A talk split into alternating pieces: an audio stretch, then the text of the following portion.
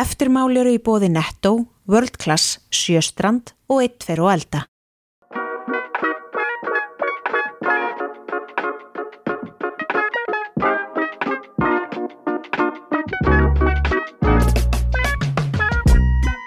Komiði sæl kæru hlustendur. Ég heiti Nating Guðrún Jæki.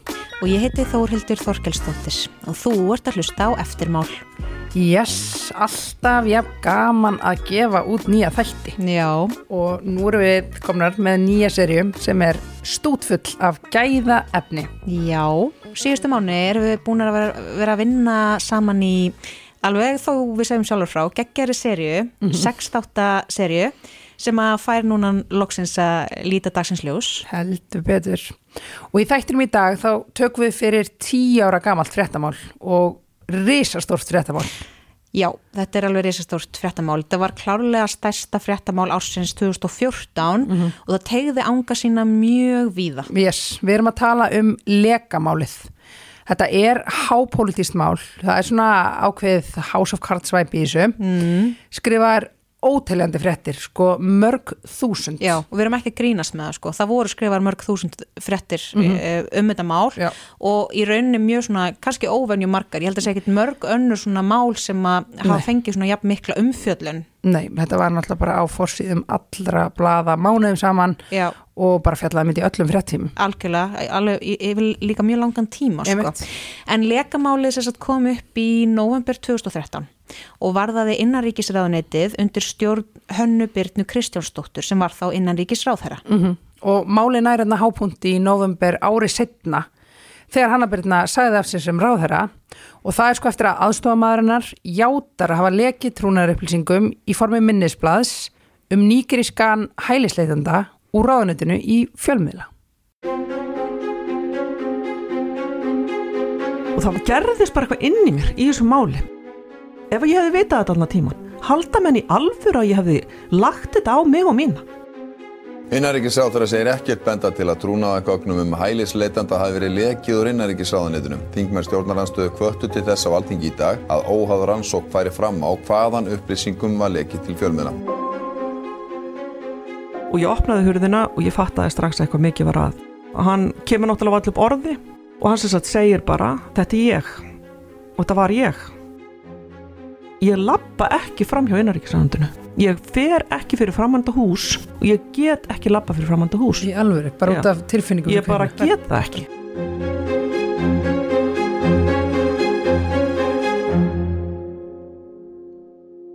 Það var svo ótrúlega gaman og áhugavert að taka viðtal við Hannubyrnu og ræða þetta við hana tíu árum setna.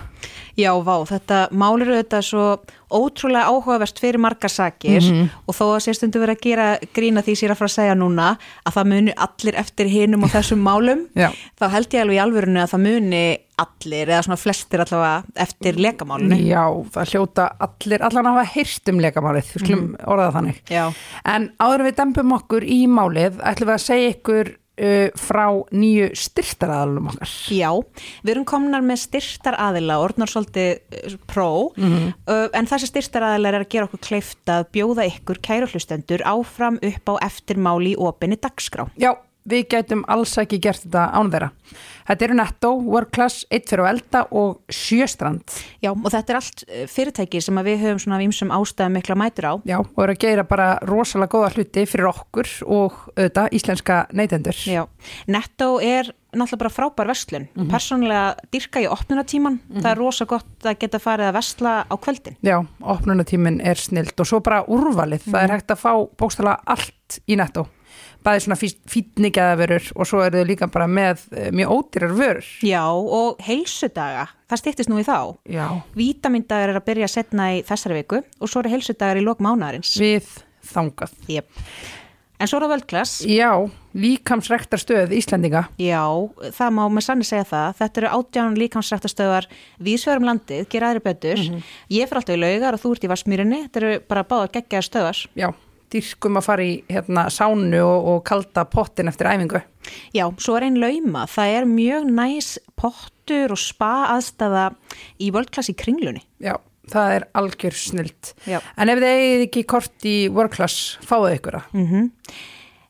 Eittur og elda er líka styrtaræðileg eftirmála Já, því líka snildin sem það koncept er Já, þetta er auðvitað bara mjög einfaldur en líka sjúkla bræðgóða matur. Já, þetta er besta fyrirtæki í þessum brans á, á landinu að mínum mati Já, ég sammála. Það er auðvitað rosalega mikil snild að geta sett saman matapakka frá þeim algjörlega eftir einn höfði. mm. og það geta allir elda þetta, mér þess að þú þurldur Já, þá er alveg mikið sagt. Ég er hamfra kokkur en núna tekst mér reynilega að elda og bara töfra fram mjög næs smáltið fyrir fjölskylduna. En svo er það sjöstrand, ég fekk mér kaffivel frá þeim bara mjög nýlega og ég dýrk hana Já, ég er búin að eiga mína lengi og bara elskana líka. Þetta er virkilega gott kaffi og það er líka mikið úrval af sagt, eh, típum. Já, og svo er velin bara svo falleg Já, já, það skemmir ekkert fyrir. Þetta er klassísk hönnun. Algjörlega Og kaffihilkin, umhverfisvæn, þú maður henda þeim í lífrannar ruslið, ég dýrka það Já, það er algjör snilt. En já, Netto, World Class, 1, 2 og Elda og Sjöstrand, takk fyrir að gera okkur kleift að gera þessa þætti. Já, takk, takk, takk En áfram með smjörið, við skulum byrja þessa veislu Já, við skulum byrja þessa veislu. Við skulum dempa okkur í málið. Kæri hlustendur, lekamálið, gjöruð svo vel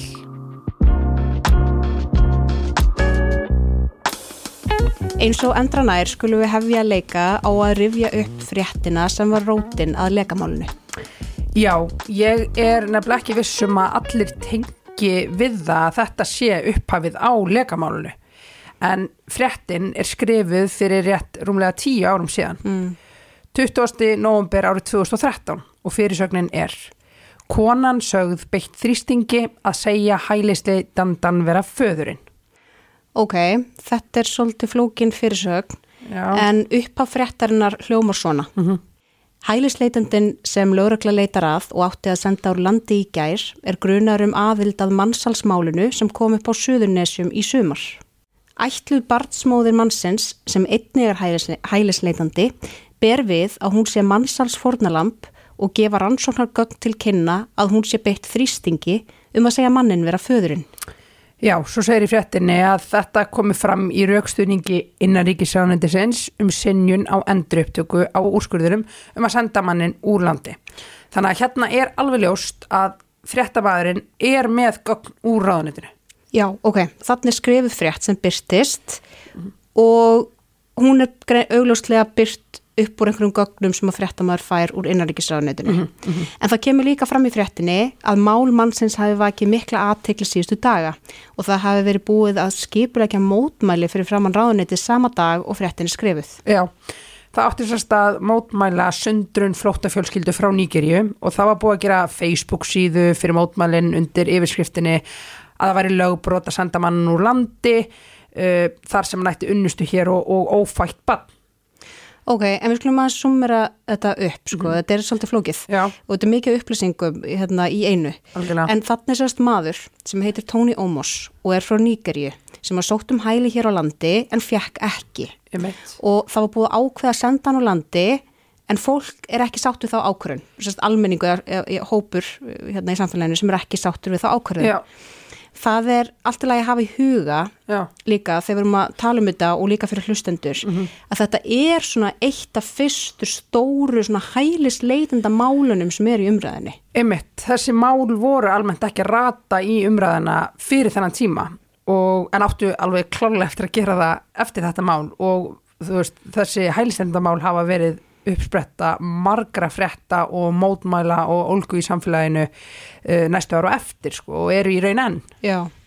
Svo sem skrifar þess að fyrstu frétt af þessu máli er Erla Björg Gunnarsdóttir sem er núna rítstjóri fréttastofu stöðvar tvö vísis og bylgunar. Já, Erla er náttúrulega mjög góð vinkun okkar, Já. Beggja, hún er bara algjör meistari og fámannskja. Já, en á þessum tíma þá var hún nýbyrjuð í blaðamennsku og var í rauninni bara búin að vera við störf í bara einn og hálfan mánuð rúmlega og þarna var hún sem sagt á fréttablaðinu og vísi sem var þá sami miðlinn. Já, einmitt, já, sk- skrifaði fréttir í fréttablaðinu sem svo, sem byrtist svo á vísi Akkurat. og ég hérna bjallaði hans í Erlu þegar við vorum að, að, vinna í þessum þætti og, og hún útskýrði hans fyrir mér hvernig þetta hefði verið uh, hún sagði að þetta hefði verið á einni af hennar fyrstu kvöldvöktum sem blaðamar á fréttablaðinu og hún hefði bara fengið þessu máli svona útlutað af vatsura Já, ok, þa- þannig að þetta mál var rauninni bara sett á hana eins og maður segir í við og, þe- það. já, og þegar þú ert að gefa út blað sem kemur út alltaf á mótnana Mhm. þá er, ertu alltaf að vinna fram eftir kvöldi að loka blaðinu, Mhm. kallast það eh, vegna þess að oft geta mál tekið eh, einhverja nýja stefnu þegar líður á daginn Mhm. fyrir að þú getur ekki verið að gefa út blað daginn eftir með einhverju gamalli frétt Nei. þannig að fólk þarf að vera á vaktin eitthvað fram eftir Mhm. og þarna fær hún bara mál á sitt borð frá vaktstjórunum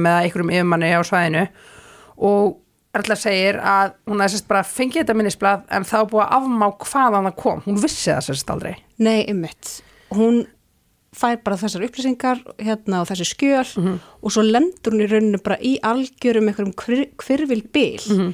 Uh, en hún hafði ekkert átt að segja á því hvað þetta mál myndi verða stórt þegar hún skrifar þessa litlu frétt. Nei, svo verður þetta bara þetta lauruglumál og Erla er meðal hans kölluð inn í yfirheyslu en blaðmann getur alltaf borið fyrir sér vend trúnaðamanna Já, sem að Erla þetta gerði en hún vissi samt hvort er ekkert hvaðan þetta kom þannig að hún hefði ekkert getað sagt frá því. nei, nei. en þetta hefur verið ákveðin upplifun og hún sagði það alveg, þú veist, nýbyrji í blaðamennsku og þú ert einhvern veginn að starta þessu stærsta fréttamáli ársins og endar í yfirheyslu hjá lauruglu Já, þetta er alveg svolítið skrýtnar aðstæður Já, sko. guð, þetta er alveg, alveg ansi, ansi eh, steikt sko. En, en ok, áfram gakk. Við fáum hljóðbrót til að heyra stemminguna fyrir utan inn, innaríkisræðunetið, eins og það hétt þá, þann 20. november 2013 og þannig sérst verið að mótmála því að það eigi að senda hælisleitandan Tony Omos úr landi. Góðir umsverkjastir, ákveðtir vegfarendur, þau eru hér samankominn til þess að mótmála brotti sem tók í óvart frá Íslandi, í dag.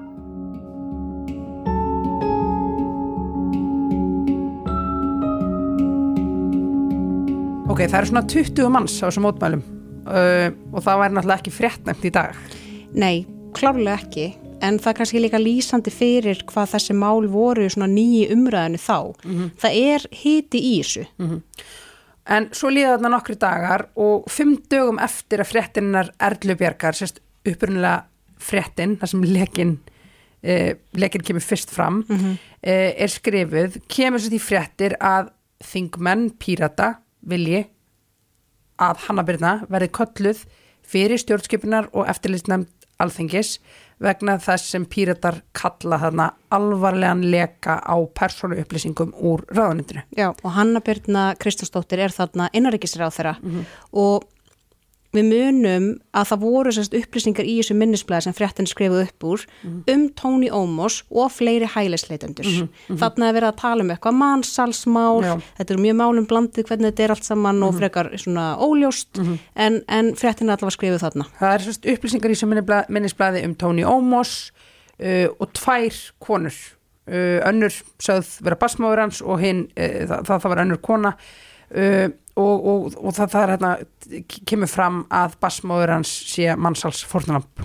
Já, uh, og þarna er komin mikil hiti í þetta mál og ljóst að það er ekki allt sem sýnist. Einmitt, þarna er komin svona ákveðin samfélagslegur þrýstingur og pólitískur þrýstingur um að innanríkisræðanandi skýri þetta mál. Það er að segja hvernig fjölmiðlar hefðu persónuupplýsingar um hælisleitinduna.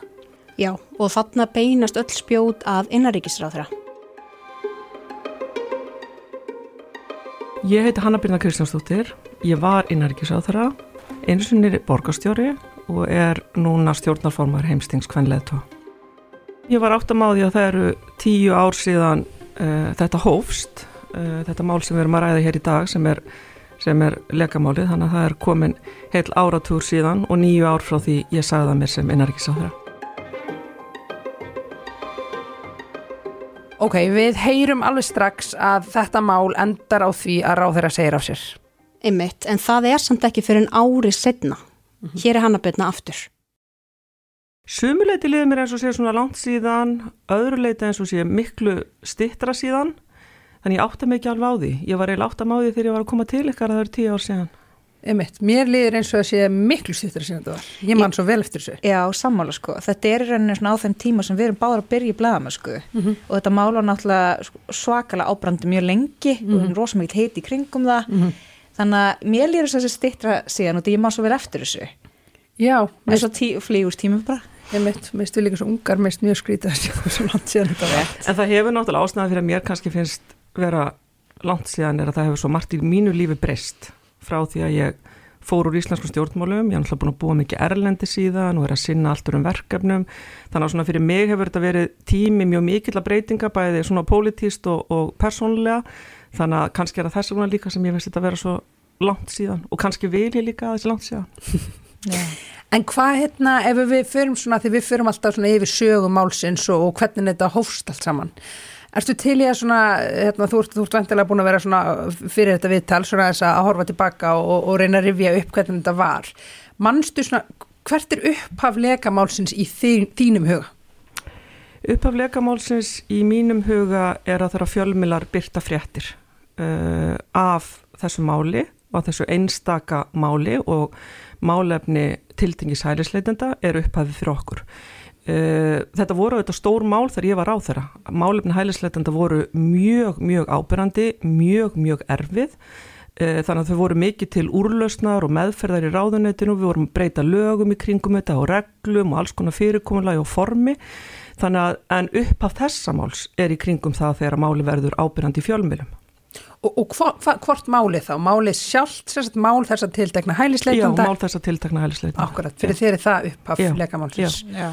Og það verður strax svona það verður mjög mikil fjölmjölu umfyllin um máli, þetta verður -hmm. strax mjög umdilt mm -hmm. hvena svona áttar þið á því að það sé, sé mögulega einhverjar upplýsingar sem að koma þarna frá ykkur sem að uh, setja þarna á stað eitthvað snjóbolta?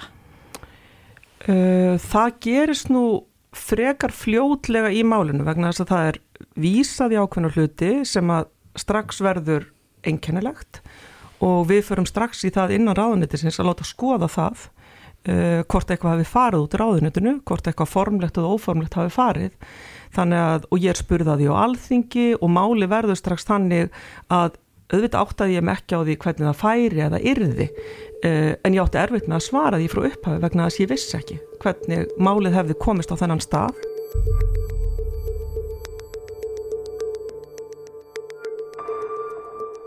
Ok, aftur, þetta eru trúnarupplýsingar sem er aðna lekið út úr ráðanutinu sem er ólöglegt. Þannig að það fer alveg svaka ferli í gang. Já, og rannsók, bara mm. formleg rannsók, eftir að það búið að ganga sérst, á hönnubunnu með það hvernig þessar upplýsingar komist út úr ráðanutinu, þá sendur hún frá sér yfirlýsingu, þannig nokkrum dögum eftir fyrstu fréttina og þar segir að það sé ekkert sem bendir til þess að þessi gögn hafi verið afhengt frá embættismönnum innan ráðunitisins. Emitt, og bara næstu daga og vikur og mánuði er hann að byrja endalust spurð út í þetta, bæði að fréttamönnum og alþingi, en svarið er alltaf það sama.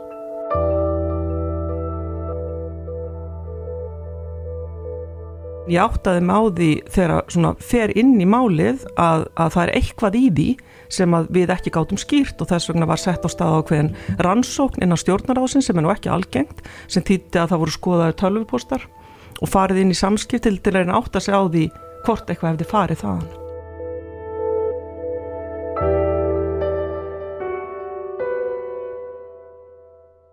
Ok, þannig að máli snýst fyrst og fremst um þetta blessaða minnisblað sem að fréttininnar Erlubjörgar skrifið upp úr. Já, og Hannabirna og innanríkisraðarindið kannast bara ekkert við að minnisblaðið sem fjölmiðlar sé að nota og gögn úr ráðanetinu farið saman. Nei, einmitt, og þau bara kannast almennt ekkert við þetta minnisblað. Nei. Það sem er líka flóki við þetta og ég held að hafi nú líka flægt málið er að gagnið sem fer af stað er ekki skilgrend innan ráðuninsins í upphafi sem trúnaðagagn. Þetta er minnisblad og það byrjar eitthvað umræðum, er þetta minnisblad eða er þetta trúnaðagagn, þannig að það var líka svona eitthvað flækjaði því og svo þetta flæktið að málið enn frekar að það var teksti inn í þessu umræta minnisbladi eða trúnaðagagni sem ekki var neinstadar til í ráðunitinu og það kom ekki ljós fyrir síðar að því það hefði verið bætt við. Þannig að umræðan var alltaf pína á skjön vegna þess að við áttuðum okkur ekki eins og náði hvaðan ákveðin texti kom. Mm. Þannig að við vorum að leita að upplýsingum sem sannarlega voru ekki til í ráðunitinu, hvorki í trúnaðagagni niður minnisblöðum.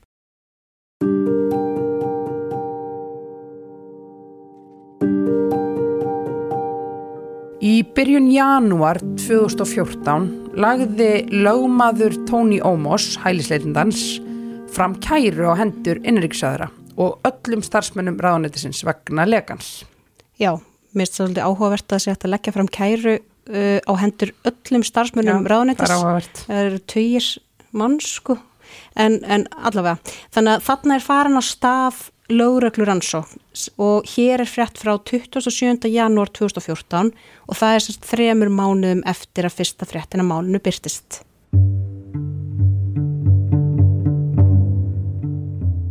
Innanríkisráðara segir ekkert benda til að trúnaðagögnum um hælisleitanda hafi verið lekið úr innanríkisráðanitunum. Þingmenn stjórnaranstöðu kvöttu til þess af alþingi í dag að óháður rannsók færi fram á hvaðan upplýsingum var lekið til fjölmiðla. Heimir Már Pétursson. Umræður um lekamáli svo kallaða hætta ekki og heldu áfram hér á alþingi í dag. Innanríkisráð þeirra segir ráðuneytið hafa kannad máli til hlítar og velti fyrir sér hvort einhverja aðrar kvatir lægjað baki umræðinni en umhyggja fyrir hælisleitundum. Valgerður Bjarnandóttir Þingmaður samfélkingarinnar lísti áhugjum af stöðu sífjölgandi hælisleitunda á Íslandi þótt margt hefði verið gert til bóta. En góður og fagur ásetningur er ekki nóg ef á sama tíma er komið fram við hælislendur að ekki sé hægt að kalla það annað en fantaskap. Og vísaði þar til mála flótamannsins Tóni Ómos en persónlegar upplýsingar um hans láku til fjölmiðla.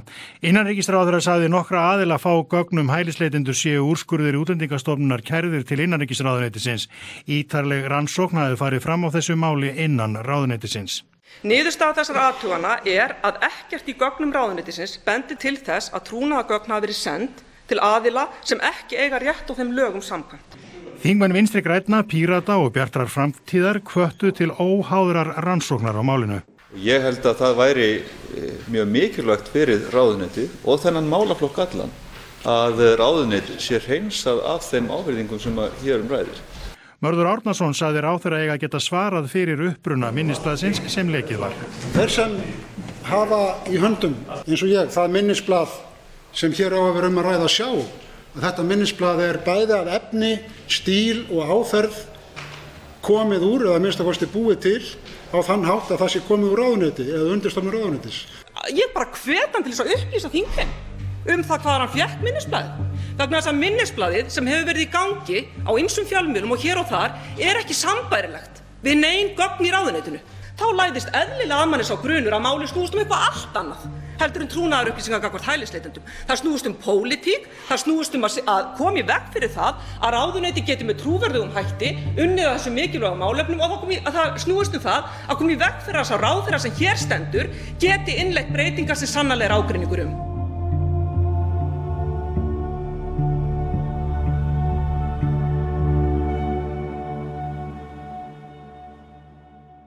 Þannig máli búið að vera til umfjöllunar í þrjá mánuði og það hafði verið fjallað rosalega mikið um það. Og Hanna Byrna er greinilega orðin svolítið þreytt og pyrruð á umfjölluninni. Já, það er svona taldi stress í henni augljóslega og við skulum fara aftur í viðtali við hönnubinnu.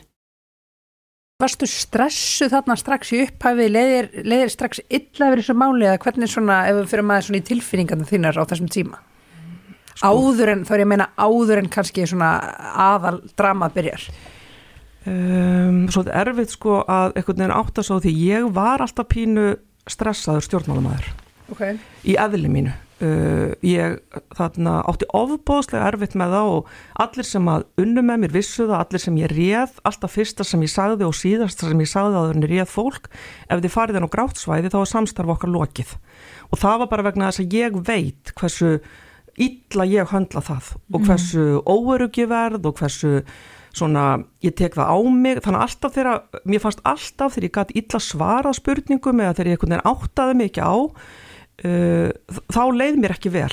En það þýðir ekki ég áttað mig á umfangi málsins eða áttað mig á því að þetta væri í næsta nágrenni við mig þaðan sem það kom.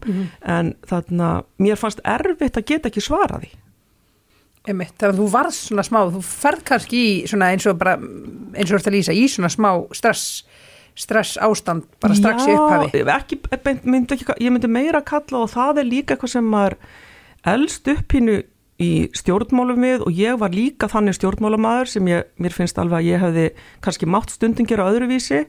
Uh, ég var svona, ég, ég greip alltaf pínu til varna, ég var svolítið fljót að fara í vörn. Uh, og mér fannst ég gera það þegar ég horfið tilbaka á þetta mál þá sé ég alveg að ég var rosalega fljót að fara í vörn uh, án þess uh, í staðan fyrir að segja bara, herri, ég skil ekki málið og ég þekki það ekki þá var ég rosalega fljót svona að grípa til varna Mm. uh, sem að gera svona mál oft flóknari í staðan fyrir aðeins að halla sér aftur og bak uh, og reyna einhvern veginn að finna út úr því, ekki það ég hefði aldrei fundið út úr því en mér finnst stundum eins og mér hafi hægt til og ég svona gerði það þarna eins og ég hafði oft gert og hafði reyns mér ágætlega í stjórnmálum að ég er svona, þú veist, stendum er fljót að grípa til varna en í þessu máli var það kannski ekki endilega málið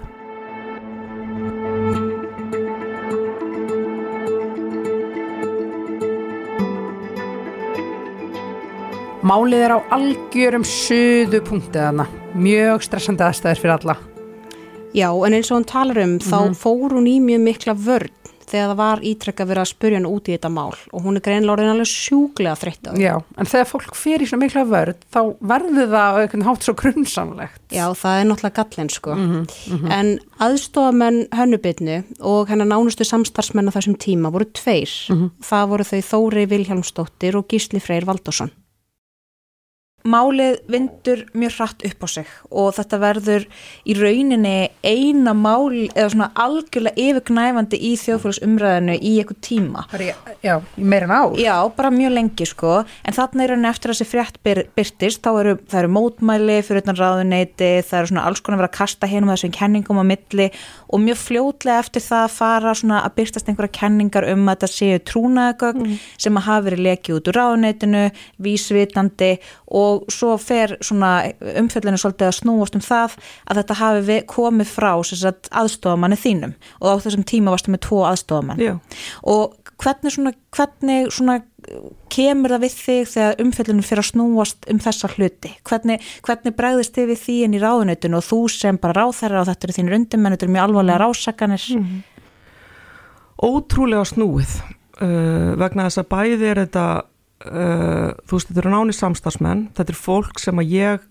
valdi til að vinna með mér. Fólk sem ég treysti mjög vel. Uh, ég var dómsmálar á þeirra það fellur undir innan ekki sá þeirra sem þýðir það að í eðli þess starfs fælst að dæma engan áður en sektur sannuð það er bara eðli dómskerfisins. Þannig ég var líka stödd í snúinni stöðu með það. Ég var algjörlega sannfærð um að þetta kæmi ekki þaðan. Bæði vegna þess auðvitað var þetta það náði mér og við tókum það mörg samtölu málið og við vorum í sammenningu að reyna að leysa það að átt okkur á því hvaðan þetta kæmi og hvernig þetta hefði gerst. Þannig að ég var algjörlega einhvern veginn uh, og við getum sagt það hafi verið barnalagt, við getum sagt að það hafi verið ekki næ, nægilega klókt af mér og það er þetta að útskýra það með alls konar hætti en, en það gerist oft í samskiptum fólks sem betur fer oftast að við treystum hvort öðru uh, og þarna og ég hafði unni með henni Þórey í mjög, mjög langan tíma. Ég þekkti Þórey betur en Gíslafrey og Þórey var aðstofamæðurinn sem kom fyrst inn með mér. Og ég hafði aldrei nokkra refasemdur um, um Þórey í þessu samhengi. Ég spurði Gíslafrey oftar. Uh, og það var vegna þess að ég þekkt hann síður. Uh, og þannig að það var aldrei í mínum hugan okkur einasti vafi um það að Þóri hefði ekki komið nálægt þessu. Og það var heldur ekki að ég, ég grunaði gíslafrei ekki um þetta. En kannski var eitthvað undir með þetta ég menna hann sagði mér það síðar að ég hefði spurt hann að stuði daglega. Já. og það getur vel verið að það segi eitthvað að þarna uh, að ég gerði það. Uh, en ég bara var alveg uh, algjörlega blind á það að þetta gæti komið úr mínu nánast umhverju, ég meina svona mál eru þannig, ég græt fyrir framann þetta fólk, skiljiði, við erum öll örmagna miður okkar fjölskylda mín er miður sín. Maðurinn minn er miður sín, foreldra mínir. E, fjölskyldan, ég er drullu hrætt í heilt ár.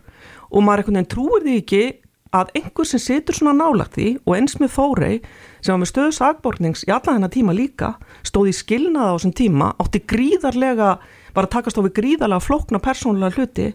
Og við þrjú erum saman í þessum að trúir því ekki að það leggja þetta á mann Þannig á Og- þessum tíma eru þið þrjú saman mjög Algjörlega. oft að, að, að, ræða þessi mál og hvaðan þetta getur komið og, og þau bæði bara klóra sér í höfðinu og, og þú bara yfir því alls saman. Við erum að reyna að leysa málið saman. Þú veist, við erum að reyna átt okkur á því og það var aðalega vegna þess að þetta marg umræta gagn var ekki nákvæmlega eins og það sem var síðan í fjölmjölum og það var vegna þess að Gísli Freyr sagði síðar frá því að hann hefði átt við gagnið Já. og það er það sem gerir það öðruvísi. Þannig að við vorum í alvörni að trúa því að þetta er einhvern veginn farið, viljandi eða óviljandi, með einhverjum öðrum hætti. Því mér það var rannsakað, það var farið inn í tölfur áðunitisins til aðtók hvort það hefur verið brotist inn í kerfið. Þannig að við vorum bara og það er alveg hægt að sitja hér tíu árum síðar og það geta allir líka sitið þarna úti og hafa horta á þetta allt og sagði þetta er, ekki, þetta er bara ekki svona. En stundum er bara raunveruleikin lígilegri en þú veist skáldsaga. Stundum er það þannig.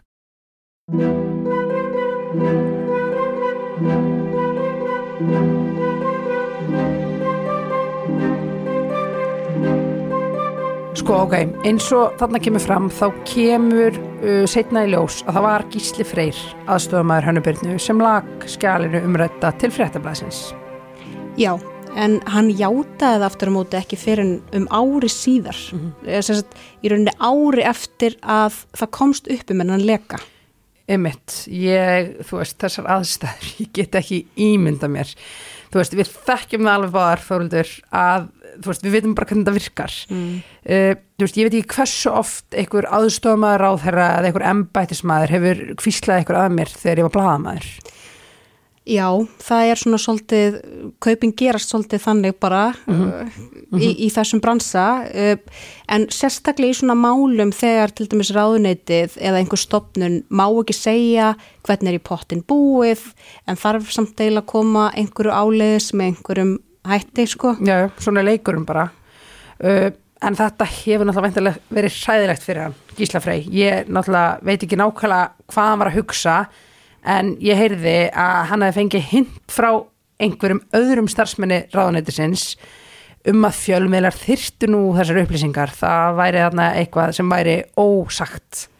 Já, í þessari brottvísun að það væri ástæðan fyrir að væri verið að vísa þessum manni úr landi, það væri eitthvað meira sem byggja þarna baki. Já, þú veist, þarna, þarna vita náttúrulega ákveðni starfsmenn ráðanættisins hvernig er í pottum búið, það er rosalega hitti út af þessu máli, mótmæli og þú veist, einmitt eins og ég segi, ég, ég hef heyrst allavega að það hafi eitthvað svona hintað við hann og ég veit alveg hvernig svona hlutir hérna gerast að það hafi eitthvað hintað, hintað við e, gísla að þess að þeirru fjölmjölar þurfa nú að vita þetta. Já, en sko það er líka kannski alltaf að taka fram að Gísli var náttúrulega splungu nýr starfsmæður á þessum tíma, hann var bara búin að vera að vinna í ráðuneytinu í einhverja vikur held ég sko. Einmitt, einmitt. Þannig að maður svona veltir fyrir sér sko hvort að finnst frekar ólíklegt að hann hafi svona upp á sitt einstæmi einhvern veginn farið í, í þetta að Einmitt, gera þetta sko. einmitt. hann var bara nýbyrjar, þetta svona hljómar allt frekar ótrúverögt, en við vitum það ekki, við, við vorum ekki við, aðna við vitum það ekki beint en, en við, skulum, við skulum muna samt að þarna var allt vittlust því að það átti að senda hælistöðundan Tony Omos úr landi og þarna eru ráðanetið sérst, er ráðanetið með eitthvað upplýsingar sem það getur ekki sagt frá og já, já, án þess að ætla að fara að draga einhverjar álíktanir þá hugsa ég að þetta hafi gest þannig að hann hafi lekið þessu eins og hann er búin að játa Já. uh, talið upphaflega að það hafi verið eitthvað sem hann ætti innan gæsalappa að gera bara í starfinu sínu en svo hafa hann fljótlega að fatta að það hafi beinlins verið ólöglegt og þá logið til um að hann hafi ekki gert það. Sko, já, það er alveg svona, ef maður er bara eitthvað að skoða þetta frá alls konar sjónarhóttnum, sko, þá getur maður alveg ímyndast þér einhverja svona aðstæður og svo þetta bara festist þú í einhvers konar lega vef og tíminn er ekkert að vinna með manni þegar staðan er svona, sko. Nei. En þú heyrðir í gísla á dögunum, er það ekki? En það var ekkert sens að fá hann í viðtal. Nei, það, hann var ekki til í að koma í viðtal en, en hérna, já, já, ég bar þessa atbyrðarás uh, undir hann sem að hérna, við erum búin að fara yfir hérna og, og hann staðfestar hann nú alveg sem að mér varst nokkuð merkilegt en hann var, nei, eins og ég segi, ekki til í að koma í viðtal um, en það ekkert mjög spenntur að, að rifja upp þetta mál sem hafði auðvitað bara mjög mikil áhrif á lífans Já, ég skil það. En Hannabitna vissi þetta ekki. Að segja sko að Gísli hefði lekið, lekið þessu. Nei, nei. Og hún er auðvitað, ef við spólum tilbaka á bara, þú veist, auðvitað bara hræðilegum stað á þessum tíma. Nei, hérna Gísli staðfestiði líka alveg við mig að eh, Hanna Birna hafi ekki vitað þetta. En leikurinn er líka oft þannig að hlutirnir fara fram á bak við tjöldin og oft veit sá sem er hæstræðandi ekkert af því. Já, en nú erum við kannski konar svolítið djúft í eitthvað svona PR eh, leikjafræði sko og hérna hlustundur hafa kannski ekki alveg húma fyrir því Nei, nei. Eh, hérna áhuga á því, en, en allavega Hanna Birna segist ekki að vita neitt Nei. og við skulum bara halda áfram með atbyrðurásuna Ég er hérna aðeins að átta mig á uh, tímalínunni. Manstu hvenar það er cirka sem þú farið upplýsingar um að uh, það sé grunur um að þetta komi frá aðstofan mönnunum þínum eða, já. Já, það, það, það gerist náttúrulega að það hefst, uh, það er sem sagt kært í málinu, uh, málið er kært til örglunar og ríkisaksóknari ákveður að taka málið upp og þá fá þau bæði þessa stöðu, mm -hmm. sakbortnings uh, og, og það var ekki bara hann, það var líka hún. Já, já. Þannig að þau eru bæði í, þessari stöðu sem gerir líka málið snúnara og, og, og, þarna, og floknara fyrir mig og svo er það auðvitað síðar sem að, að þarna gísli er ákjærður og þóri er tekin algjörlega út úr, út úr uh, jöfnunni uh, og þá gerist það að ég sagt, segja af mér sem dómsmálar á þeirra eða óska eftir lausnar sem dómsmálar á þeirra og ég gæti ekki gengt í hlutverki eftir það. Og síðan er það í nóvember sem að, sem að gísli kemur og sagt þegar hann komin fyrir dóm uh, til þess að svara fyrir málið og kemur þá og segir frá því að þetta hafi verið hann. Og hann segir mér það bara sama dag og hann segir það ofinbeglega, þannig er tímalínan Einmitt. Já, Þannig að hann í rauninni sko hafði þarna alveg fjölmjörg tækifæri til að segja þetta en, en hann gerði rauninni bara á allra síðasta sjans, hann gæti náttúrulega ekki logi fyrir dómi. Nei og hann gerir það þú veist áður heldur en að við uh, erum öll ég átt að bera vitni uh, þannig að hann gerir það áður heldur en við förum og hann gerir það líka eins og hann sagði og hann var auðvitað í viðtölum eftir þetta hann gísli og útskýrði og það er ekki mitt að útskýrða það, hann útskýrði hvernig einhvern veginn svona gerist og, þarna, og hvað gerðist hjá honum og þetta var bara svona þú veist, auðvitað mannlegur harmleikur fyrir hann Mhm. uh, og, og það sem var óbúslega erfitt fyrir mig og enginn sér og ég hafði alltaf svona og var þekkt fyrir það, ég meina ég var kallið ísdrottningin og, og þarna og jártfrúin og allt þetta því ég hafði svona tamið mér dálítið hörku og svona, mér fannst það bara brinja með einhvern veginn í stjórnmálum og það hendaði þeim tíma sem ég var í stjórnmálum á það sagði óskup lítið um mig en allir, um, og mér var mjög oft sagt að ég mætti þessu einhvern veginn ekki á nægilegri mildi og það, það virkaði ekki til sem þetta tæki á mig. Og þetta tók þetta, þú veist, hræðilega á mig að öllu leiti og þarna það tók líka ofbáslega á mig að ég hafði líka átt að mig á því á því ári sem að við vorum í samstarfi, ég menna ég þurfti á þetta þegar Gísli var e, ákjörður og svo framvegis að vísa honum frá störfum. Hann búin að vera frá störfum í nokkuð tíma áður en, áður en hann síðan þarna viðurkendi málið. Ég fann hræðilega til við honum. Ég skinja að það var eitthvað að og hún er liðið eitthvað illa og ég eitthvað neginn, og svo getur vel verið að eitthvað neginn meðvitund, ég hafi ekki viljað eitthvað neginn átta mig á því. Ég, þú veist, hann var bara ungur maður uh, á dásamlega fjölskyldu, þrjú lítil indislega börn, ég held bara að væri mikið að gera og mikið að fást við og ég fann alveg hræðilega til með honum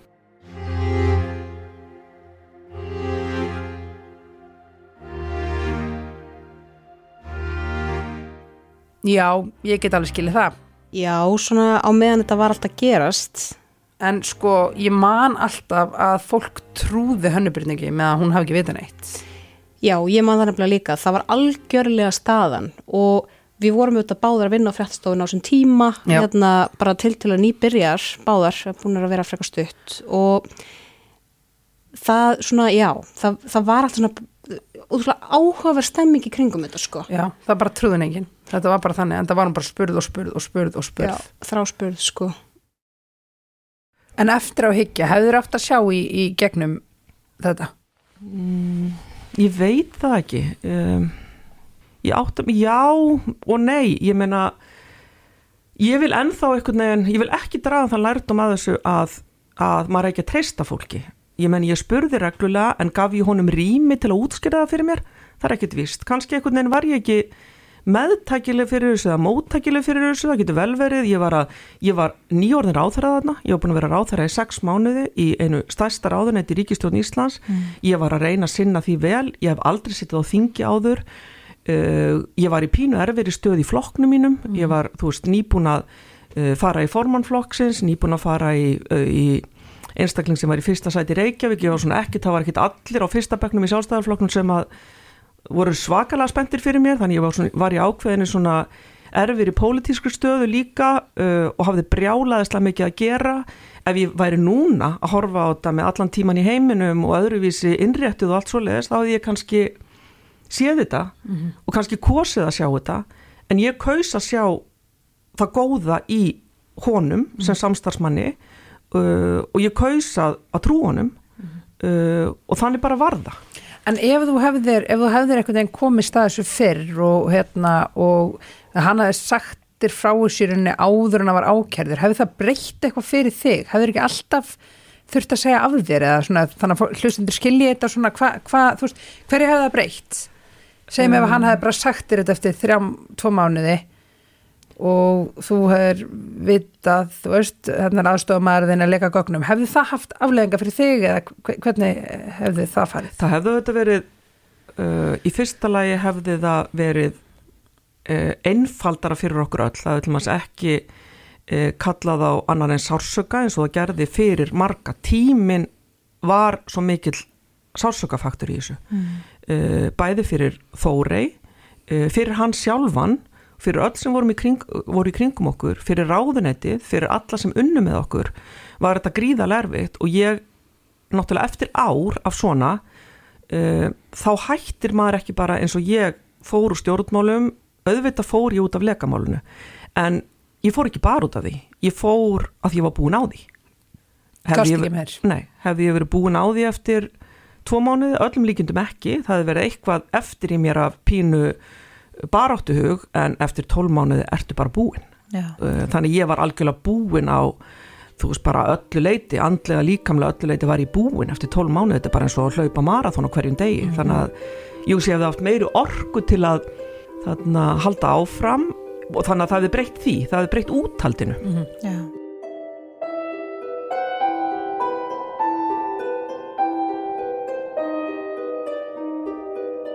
Sko mér langar aðeins að spyrja þig sko og þetta mál varð mjög uh, heitt og það var bara svakaleg heift í fólki, mótmæli út af þessu og bara svakaleg samfélagslega umræð um þetta uh, bæði emitt í samfélaginu og líka á alþingi og allir höfðu sína skoðun. En það voru alveg einhverjir aðra sem gengur mjög hart fram í þessu máli uh, gagvar þér bara persónulega og þú verður í rauninni fyrir svona, bara í rauninni, það er ekki hægt að kalla þetta annað en áreiti, getur þú sagt okkur svolítið frá því, ég meina, í hvernig stöðu þú og fjölskyldaðinn voruð? Já, um, þú veist, ég get alveg skilið það að, að mörgum hafi, þú veist, í fyrsta lagi er þetta, þú veist, góð saga uh, og, og þarna, og, og sagan var betri ef hún var þannig að ég vissi þetta, að vissi þetta, þannig er sagan betri. Uh, það er sterkari saga að segja að ráþæran er að hilma yfir heldur en að, að, þarna, að segja sannleikan í því. Þannig ég skil alveg að þetta hafi verið saga og ég skil alveg að þetta hafi verið hálfgerð framhaldsaga vegna þess að það var aftur og aftur einhver því en við getum veltið fyrir okkur á einu ári það voru mörg þúsund fréttir skrifaður um þetta það voru fleiri fréttir skrifaður um þetta á sínum tíma heldur en um landstóm uh, og það var bara, þú veist, fréttaflutningurinn um þetta var ofbóðslega mikill og ég ætla ekki að víkja mér undan því. En ég ætla hins vegar að víkja mér undan því að mér eigi sem stjórnmálamanni og það sé allt í lagi að ég þurfa að vera hrætt um líf mitt í nokkra mánuði. Og ég ætla líka að víkja mér undan því og, og segja að það sé ekki aðlegt í sam, mínu samfélagi og okkar samfélagi að ég þurfa að eiga samtil við börni mín um að þau með ekki opna hurðina heima hjá sér um að ég get ekki farin í bæ á þess að það sé þarna eftirlit með mér um það að fólki finnist í lægi að öskra múta götu hvort að börni mín sé í lægi um að það sé í lægi að hlaupa á eftir mér og segja alltaf að drepa mig og enginn komi til varnar eða hjálpar. Uh, það sé að setja myndir af mér á forsíðu blaðana skipt eftir skipt eftir skipt eins og ég sé glæpamaður og ég ætla að víkja mér undan því. Og ég ætla að segja að það sé ekki endilega umhverfið sem, að, sem að við viljum fyrir okkar stjórnmálamenn hvort sem það eru konur eða kallar í sjálfstæðarflokknum eða samfélkingunni þá fannst mér og það bara gengur bara frá manni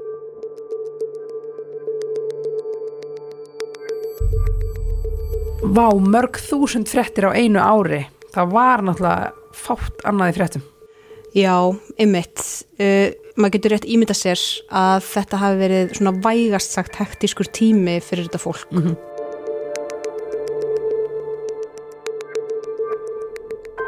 Mitt líf var um tíma þannig að, að húsið mitt var allt með einhverju öryggis og varnarkerfum uh, ég átti endalust að láta vita af mér.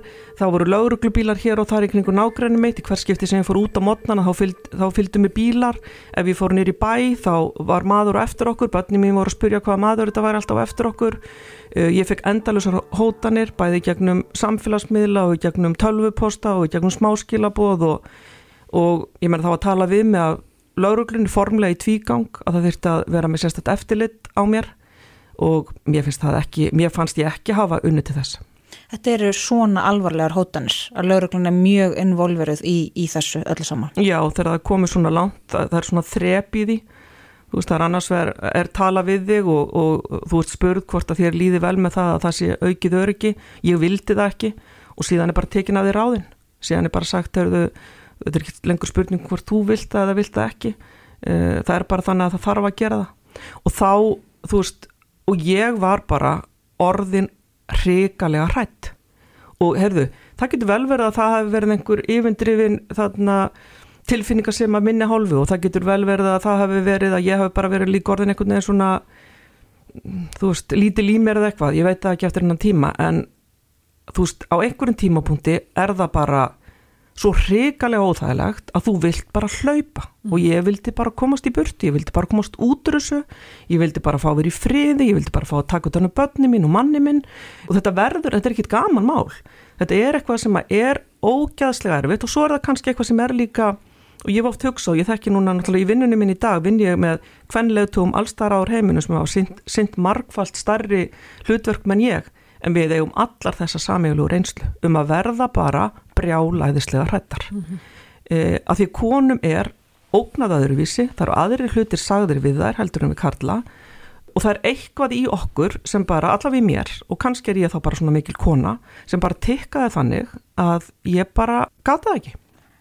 En þú varst reynverulega bara hrætt um þig og, og fjölskylduna þeina Já, al, al, algjörlega hrættum um, og við bæði og það endaði þetta með því að ég og maðurum minn bara settust niður og sögum þetta er ekki bóði lengur, þetta er ekki bóði fyrir börnun okkar, fyrir okkur, þetta er ekki líf sem við viljum. Á endanum auðvitað, þarna gerur það, já. Ekki þess verið að vera í stjórnmálum fyrir, fyrir eitthvað svona ástand. Nei. Hvað á, sko, á hvað tímabili ertu svona hvað hrættust? Hvenar er þetta Hvenar er þetta erfiðast? Er það rétt hérna undir lokin eða á hvaða tíma? Nei, það byrjaði nú fyrr sko. Það, þarna, þetta byrjar bara og ég, ég aftur, ég síni því mjög mikla virðingu að það séu tilfinningar í kringum þessu mál og fólkið sem varð fyrir þessu, ég er búin að beða það margsins afsökunar því þetta gerðist auðvitað á minni vakt. Það fór út upplýsingar um fólk í viðkvamri stöðu á minni vakt. Það er ekkert sem breytir því og mér finnst það ræðilegt. Mm -hmm og ég baðast afsökunar aftur og aftur og aftur. Hvernig gerur það? Ég gerði það formli í brefi, ég gerði það þegar ég sagði af mér og ég gerði það eins oft og ég gat og ég hef reynd að nefna það aftur og aftur og aftur því þetta er óafsakanlegt. Og þetta gerðist á minni vakt.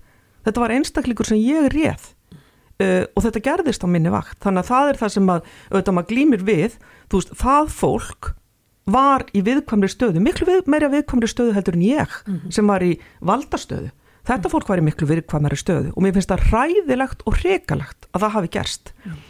Um, en ég svona persónlega og þannig að máli var alltaf mjög hlaðið tilfinningum og, og, og hlaðið réttlætiskens fólks sem að fannst þetta ránt og það er rétt og ég varð, ég held ég að bara sjaldan orði fyrir eins miklu áfall eins og þeirra gísli segja mér þetta. Það var jafn mikið áfall fyrir mig og alla aðra. Mm. það var bara stærsta áfall sem ég vorði fyrir á mínu starfsferli þegar þarna því er líst, líst yfir. En það hvernig málið var og hvaða var viðkvamt og sárt fyrir marga kallaði á það fannig tilfinningar eðlilega að reyðin gagvart mér og okkur var mjög mikil og hún var ekki bara mikil rétt á hann í saði af mér, hún var mikil í miklu lengri tíma Akkurat. þannig að þú veist þetta ástand uh, í kringum mig og okkur var svona meir og minna í heilt ár Akkurat. og það var ekkert alltaf í fjölmjölum þó, þó svo mörg þúsund fréttir hafi verið fluttar um það að þá er líka og kannski er það rétt en kannski er það ránt að þetta er alltaf eitthvað og það er alveg sama hvaða stjórnmálamann þið tali við við viljum ekki tala um þetta ég vildi ekki tala um þetta Mhm. Ég vildi líka fá bara að halda þessu fyrir mig og þarna þannig að það greinir enginn frá því. Ég er ekkert að segja frá því í fjölmjölum þegar ég fæ svona eða hins eginn símtölu eða svona eða hins eginn sendingar eða það eru lauruglan tala um út í hinna eða þessu. Það er ekkert verið að deila því vegna þess að mín staða er ég er í valdastöðu og þetta fólk sem var í, í viðkvæmri stöðu átti miklu meira skilið samúð heldur en ég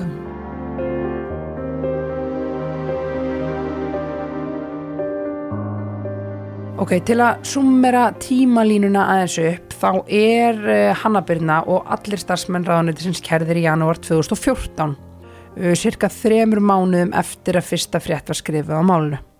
og þá hefst alveg formleg rannsókn og það er þarna sagt, rannsókn í gangi næstu mánuðina. En við skulum heyra brotur kvöldfréttum í byrjun februar 2014. Ríkisaksóknari hefur sendt lekamálið svo kallaða til rannsóknar hjá lauruglun á höfuborgarsvæðinu. Málið snýst um upplýsingar um hælisleitanda og barsmóður hans sem byrtar voru í fjölmiðlum og það er kæra konunar sem sendir lauruglu. Sigriður Jóð Friðjónsdóttir ríkisaksóknari segir að kæran varði ætlað brot á þagnarskildu samkvæmt almennum hegningalögum og eða brot á lögum um persónuvernd. Laurugla rannsaki kærur um ætlaða refsiverða háttsemi. Kærandi telja að leka og persónulegum upplýsingum um hana sem byrtust í fjölmiðlum megi rekja til innaríkisráðuneytisins.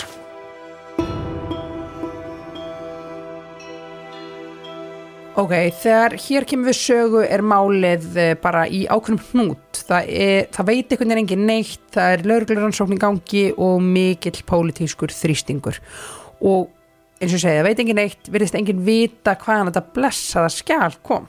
Já, Uh, en það er þar til í byrjun júni það ár og þá sem byrtist þessi frétt. Hefur raukstutan grun um hver lag minnisblæðinu og við skulum lesa þessu upp úr fréttinni. Mhm. Lögregla hefur raukstutan grun um að starfsmæður innaríkisráðuneytisins hafi lekið minnisblæði um hælisleitandan Tóni Ómos í fjölmiðla. Þetta kemur fram í dómi hæstaréttar sem fjall á mánudag. Dómurinn hafnar því að fréttastjóra MBL verði gerst að gefa upp heimildarmann sinn eins og vísir greindi frá í dag. Í dóminum kemur einnig fram að tiltekinn starfsmæður ráðnættisins hafi átt síma samskipti við fjölmiðla, skömmu áður en fréttir byrtust um minnisbladið og breytt skjálinu sem lekið var. Gat starfsmæðurinn ekki útskýrt hvers vegna símtöl við fjölmiðla eiga sér stað á sama tíma og hann vann í því. Ok, þarna þrengist ringurinn verulega og það er farið að leiða að því líkum að þessi starfsmæður sé annarkvor aðstofamæður hönnubyrnu. Já, það er kannski ágætt að taka fram hérna út að það verið að tala um sérst, heimildamann mbl.is, það var sérst, bæði fréttablaðið og mbl sem fengu þetta minnisblað. Mm -hmm. Þannig að, og það var sérst gengið á sérst, bæði báður reitstjóðunar, lauruglan kallað inn blaðamenn til e, yfirherslu Mhm, e, frá báðum reitstjóðunum. En sko, DFF voru samt fremst, fremstir í flokki að fjalla um þetta mál. Já. Þeir voru alltaf skrifin undan öðrum fjölmjölum, hérna, Jón Bjarki Magnússon og Jóhann Páll Jóhannsson. Já, þeir hérna skrifuðu tugi fréttum þetta mál og fengum mér að segja blaðamannavelunin fyrir sína umföllun og þeir leittu þessa umföllun í raun og veru sko. Þeir hérna, já, voru, voru bara alveg fremstir í flokki þar. En þeim var líka á og, og hlupa hans á sig. Já, Það byrtist aflega frétt í DFF það sem var fullirt að Þórei Vilhjálmsdóttir, hinn aðstofamæður hönnubyrnu, hefði réttastuðu sakbornings.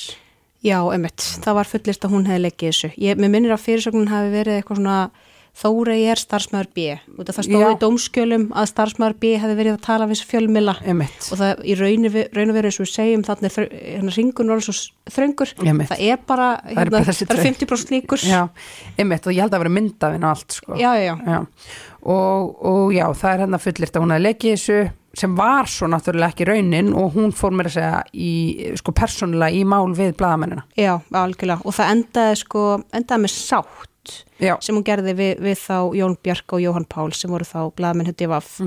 Og sáttin gekk út á að ummæli sem að komi fram í blaðagreininni væri dauð og ómerk.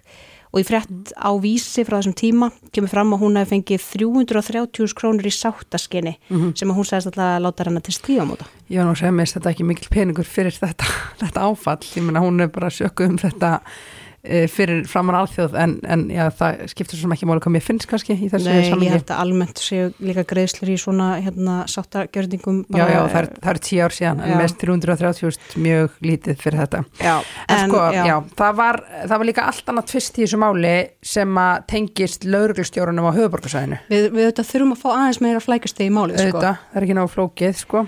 En Hannabitna var sökuðum að hafa beitt Stefán Eiríksson sem var þá lauruglustjóri og er núna útvarstjóri. Mhm.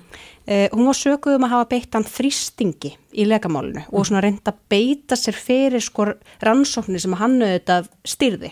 Já, hann stýrði þessari lauruglu rannsókn á lekamálunu. Já, sem, sem auðvitað lauruglustjórinu höfuborgarsvæðinu, hérna ber hann ábyrð, það er kannski einhverju aðri sem að stýra það sko á já, gólfinu, já, já. En, en, en hún átti að hafa haft samband þarna við, við, við Stefán og, Mhm. og það átti að hafa verið sem sagt, svona, eh, já, bara Þrýstingur. eh, þrýstingur.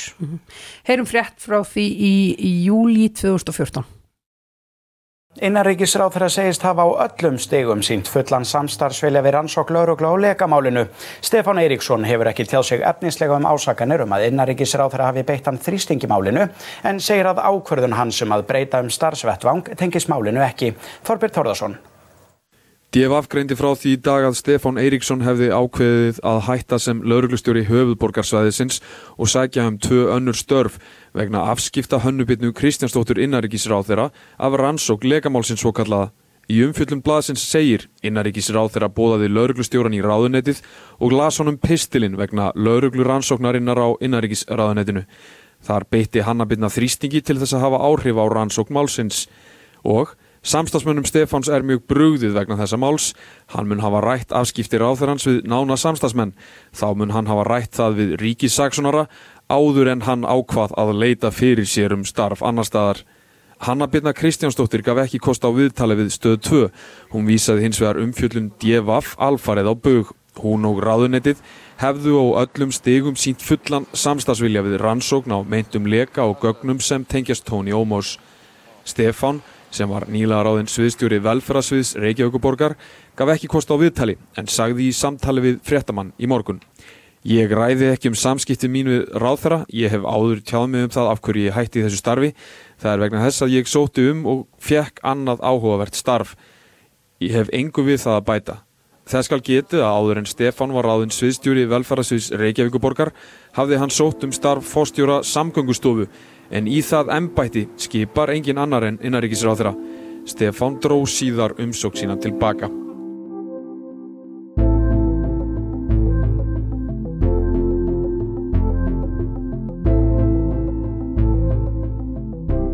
Já, það eru til ótal margar samsæriskenningar af þessum ánga málsins en bæði Hanna Birna og Stefán Eiríksson hafa þvertekið fyrir að lekamálið hafa haft einhvað með starfslokk hans að gera. Já, hann sagði bara í ykkur viðtali, hann hefði nú bara sótt um aðra spennandi vinnu, sko. En allavega, þetta varð bara skrýtnar allt og skrýtnara og ásamt því eh, sem umbóðsmaður alþingis uh, var líka með þessi sem sagt, samskipti til rannsóknar sérstaklega, það er að segja sko rannsóknin, nei hérna samskiptin á milli hönnubitnu og Stefáns. Þannig að það er allt í orðin líka stór pólitísku hluti af málinu. Einmitt, því það er náttúrulega, það er líka svolítið alveglega rásakanir. Mjög. Að, beita, að, að ráðherra sé að beita lörglustjóri eitthvað skonar þrýstingi. Já, og hún var náttúrulega innaríkisráð þeirra sem er sko, sem er í dag. Já.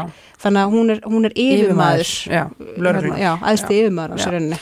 Já, já, þetta er allt frekar loðið en, en, og, og bara áhugavert allt saman en við skulum halda okkur við tímunlínuna þetta er orðið e, daldið rauglingslegt Í ágúst 2014 sendir innríkisaðara Hanna Birna frá sér yfirlýsingu það sem framkemur að Gísli Freyr hafi verið ákjærður Já, ertu til að lesa hans upp úr henni? Já Rétt í þessu tilkynnti annar aðstofamæður minn Gísli Freyr Valdórsson mér að lögmaður hans hefði nú síðdeis fengið upplýsingar um að ríkisaksóknari hegðist byrta honum ákæru vegna kæru vegna meðferðar persónuupplýsinga um hælisleitanda. Þrátt fyrir að Gísli Freyr hafi ávalt haldið því framgagvart mér að hann sé með öllu saklaus af málinu og geri það enn, hef ég tekið þá ákvörðun að leysa hann nú þegar frá störfum á meðan málið er til meðferðar fyrir domstólum. Ég hef að auki óskað eftir því við fórsættisráðara að þau málefni sem undir mig heyra og hafa með domstóla og ákæruvalda að gera færist til annars ráðherra í ríkistjórn á meðan domsmál á hendur Gísla Frey stendur yfir enda tel ég mikilvægt að friður skapist um fjölmörg mikilvæg verkefni innan ríkisráðanættisins. Ok, vó. Þannig að Gísli er ákærður þarna, þannig búið ákæran, en hann heldur samt áfram fram sakleysi sínu. Já, og við erum sko að tala um uh, þetta kemur upp í november 2013 og þarna erum við komin sko í ágúst 2014. Þetta eru margir, margir mánuðir þar sem að hann hefur haldið fram sakleysi sínu. Og sko, uff, þessi legavefur, ég get ekki ímynda mér hvað það hefur verið óbærilegt að vera í þessum aðstæðum. Já, það er svolítið svakalegt sko, en hérna, en Gísli sendi líka frá sér yfirlýsingu á þessum tíma, þar sem að hann segist fullviss um að hann verði síknað, síknaður af þeim sökum sem á hann eru borðnar. Já, þetta er orðin ansið djúpóla. Innaríkisráþra ítrekar að hún hafi enga vittnesku haft um aðstofamæður sinn hafi leikið minnisblæði til fjölmiðla. Hún segist ekki hafa neinar forsendur til annars en að trúa orðum aðstofamannsins um að hann sé saklaus.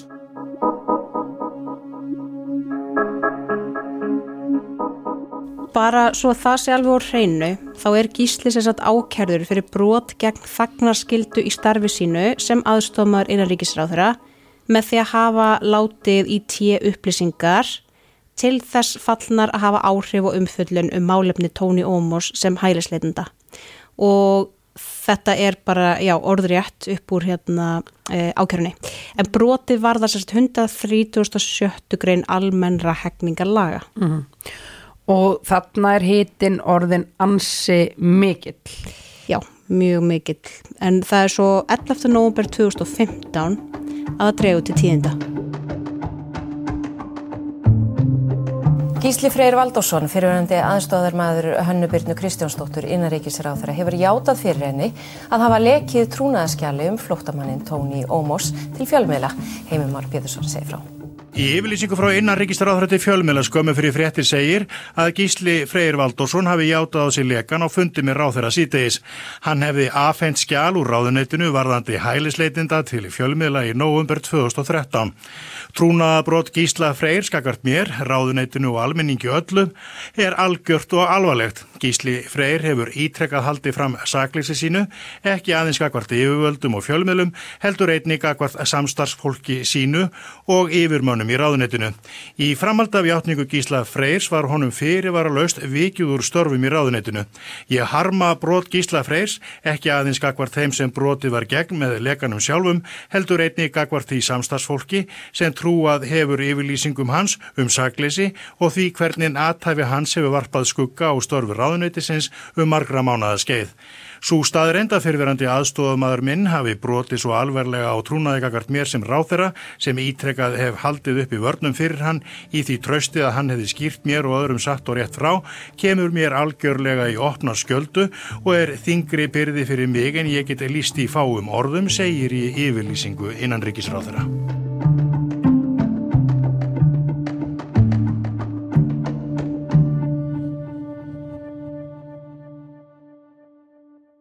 Ok, þarna játar hann og í framhaldinu af játninginu fær hann dóm bara strax daginn eftir.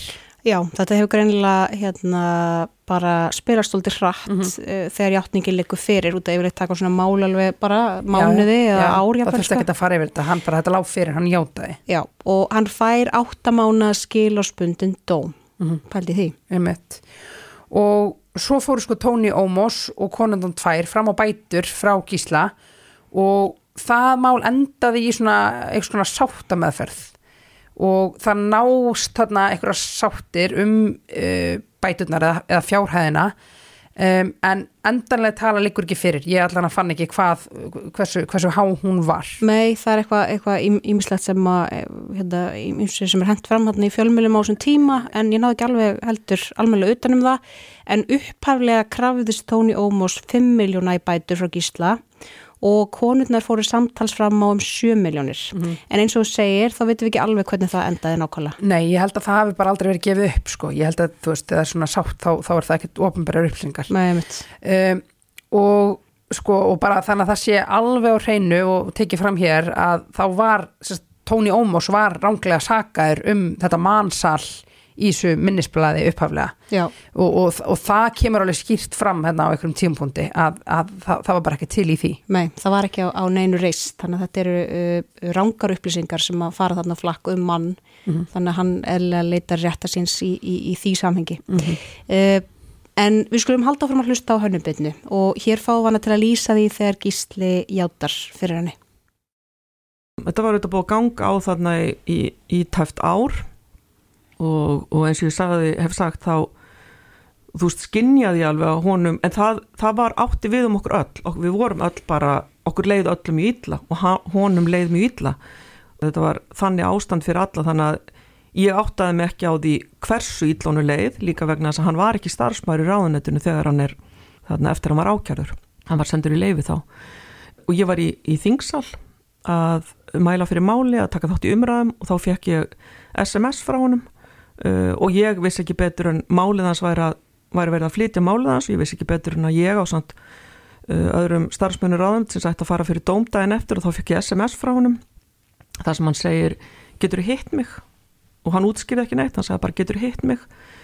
Og ég sagðist að sjálfsögðu verða við því þegar að þarna og ég spurði er, er einhver sérstök ástæða uh, og hann sagði nei, ég þarf bara að hitta þið auglít til auglitis. Og ég sagði þú getur komið upp í ráðunetti þegar þessum umræðum er lokið og ég fyrir upp í ráðunetti og inn á skrifstofana mína og svo er ég bara látið vita að hans, að kom, hans er sem sagt komin í hús og konan hans er með honum. Og ráþeiragangurinn er svona það er gangur og skrifstofan mínu við endan á ganginum og ég opnaði hurðina og ég fattaði strax að eitthvað mikið var að því að hann kemur lappandi og hans indislega kona með honum og þau eru bæði grátandi og ég bara tek á mótið þeim og Þóri var með okkur líka og hann sest niður og svo er þetta bara eins og í einhverju, einhverju ég veit ekki hverju sko. Hann kemur náttúrulega allir upp orði eh, getur allir talað og hann sem sagt segir bara þetta er ég og þetta var ég. Það er bara það eina sem hann kemur upp í raun og ég skildi ekki einu sinni sko fyrst hvað hann er almen, almennilega að tala um. Og svo segir hann þá að ég sem lag skjælinu Mhm. Og það er ég sem gerði þetta. Og ég get ekki gengið lengur í gegnum þetta. Og ég get ekki meira að þessu. Það, ég skildi að hann var að segja hefði lekið þessu en ég skildi ekki ennþá að því við vorum alltaf að fást við það að orðalagi var öðruvísi. Mhm. og þá segir hann ég átti við skjalið. Þetta er ekki bara þetta skjal sem var hérna heldur setti ég viðbóta texta í niða og það er það sem var byrt þannig að ég gerði þetta. Svo var þetta bara eitthvað drama augnablík þar sem við erum bara einhvern veginn að reyna að ná þessu inn og ég auðvitað sáði honum upp á staðnum. Mm. þannig að það var formlega farið í það. Og svo fór hann í gjáma frá sér yfirlýsingu. Og svo bara sá ég hann ekki langan tíma eftir nema bara þú veist, auðvitað, þarna hafði ég miklar áhyggjur á honum. Því, svona er heldur ekkit gaman mál. Ég hafði gríðalega áhyggjur á honum. Mm. og hans andlega líðan og, og, og þarna, að því maður ber líka ábyrð á því. En hvernig leið þér eftir hennar fund og eftir þessa hjáttningu? Þetta var bara uh, þetta var bara hræðilegt áfall Stu reið eða leið eða? Nei, ekki reið ég var leið uh, ég var undrandi ég var uh, vonsvikin og ég menna það var búið að þetta var einstaklingu sem ég treysti en svona þegar ég horfið tilbaka þá ég fann rosalega til með honum Mhm. og ég hafði einlegar áhyggjur á honum þú veist, fyrir mér var þetta það mikið áfall en líka loksins var komin, skildi ég málið þú veist, loksins var einhvern veginn pústurspili fyrir framamann sem að maður gæti einhvern veginn séð þetta var svona fyrir mér er þetta, ég horfið tilbaka þá var þetta bara áfall, þetta var þú veist, vombriði og svona hræðilega óþægileg stund einhvern veginn Manstu þú veist hvert þú ringdir í eftir hennar fund eða, þú veist, Manninn manstu- minn. Já, er, er þetta fest í minninu? Getur veginn svona lísti fyrir okkur eða, eða er þetta bara í móðu? Veistu að þú spyrða þessu svona þá þá man ég, ég man bara eftir þeim komandi inn gangin, ég man eftir samtalinu, ég man eftir þú veist, þetta er bara eitthvað svona augnablík sem er Já. einhvern veginn svona óraunverulegt ég bara þú segir þetta, þá man ég til maður ekki hvað ég, hann fór í viðtal í sjónvarp á eftir Já, og ég held ég hef ekki hort á það Nei. ég held ég hef ekki hort á það lang, þú veist, fyrir en löngu setna Einmitt. Uh, og svo byrjuðu þetta svona formsatrið af því það er líka það sem þú þar- þarft að gera sér ráð þar. Ég menn ég þarf formlega að segja honum upp. Uh, ég held ég að við tekið samtöl við þú veist, fórsetisráð þeirra við uh, formann flokksins hjá mér. Ég þurfti að taka svona formleg samtöl og útskýra og einhvern veginn áttam á hvað þetta þýtti Mm. en það er ekkert fyrir dagarnir svona að fara að líða í framhaldinu sem að maður þú veist, næra að púsla því almennilega saman. Ég er ekkert feimin að viðkjanna það. Ég var, þó allir hafi einhvern veginn, ég, ég hætti sjálf viku síðar. Það var auðvitað lengur búið að gerja, gerjast í huganum á mér að, að þarna gera það, þannig að kannski fór það í gegnum hugan á mér. Ég átta mikið á því. Uh, en aðalega var ég bara bara einhvern veginn áfall og einhvern veginn að vinna úr því var einhver fáránleiki sko. Dofin. Já, svo var ég bara ekki á þú veist, góðum stað. Á þessum tíma eins og ég hef áður sagt ofinbegla, ég menni ég var með tvöfald brjósklós í hálsi. Ég var nýbúin að fá fréttur um að ég væri með þykildi í heila. Ég var þreytt, ég var leið, ég var þú veist, reið út í sjálfa mig. Þú veist, ég var líka bara á erfiðum stað sem, sem manneskja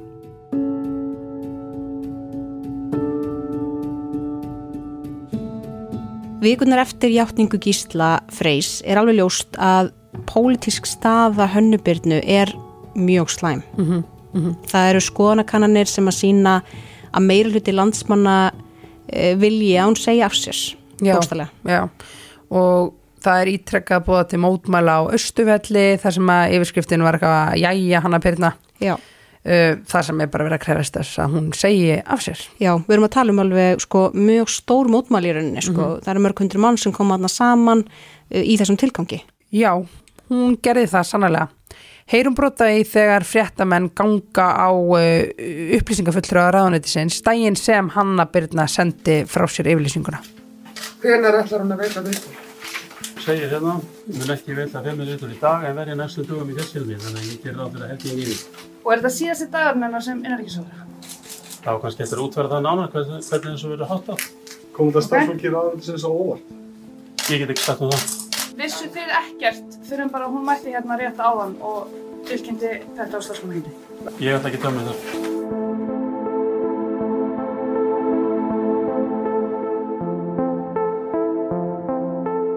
það er ekkit víst að allir hefðu sagt af sér vegna þessa en mér fannst ég bara þú veist ekki geta meira því. Þannig að hvenar gerðist það nákvæmlega? Bara mörgum sinnum í þessu ferli. Mhm. var bara hlóðst ón á einhver svona ég er ekki lengur stjórnmálmaðurinn sem ég vil vera og ég hef brugðist og, og það er ymmit önnur talandi um rannsóknur og konur, ég meina það er rannsókn sem sýnir það að þegar Karl lendir í vandræði með stjórnmálum þá missir hann tröst hann persónulega, þegar konur lendi í vandræðum í stjórnmálum, þá missa allar konur tröst og mér fannst ég hafa brugðist konum, ég fannst ég vera kona sem hefði náð langt í stjórnmálum.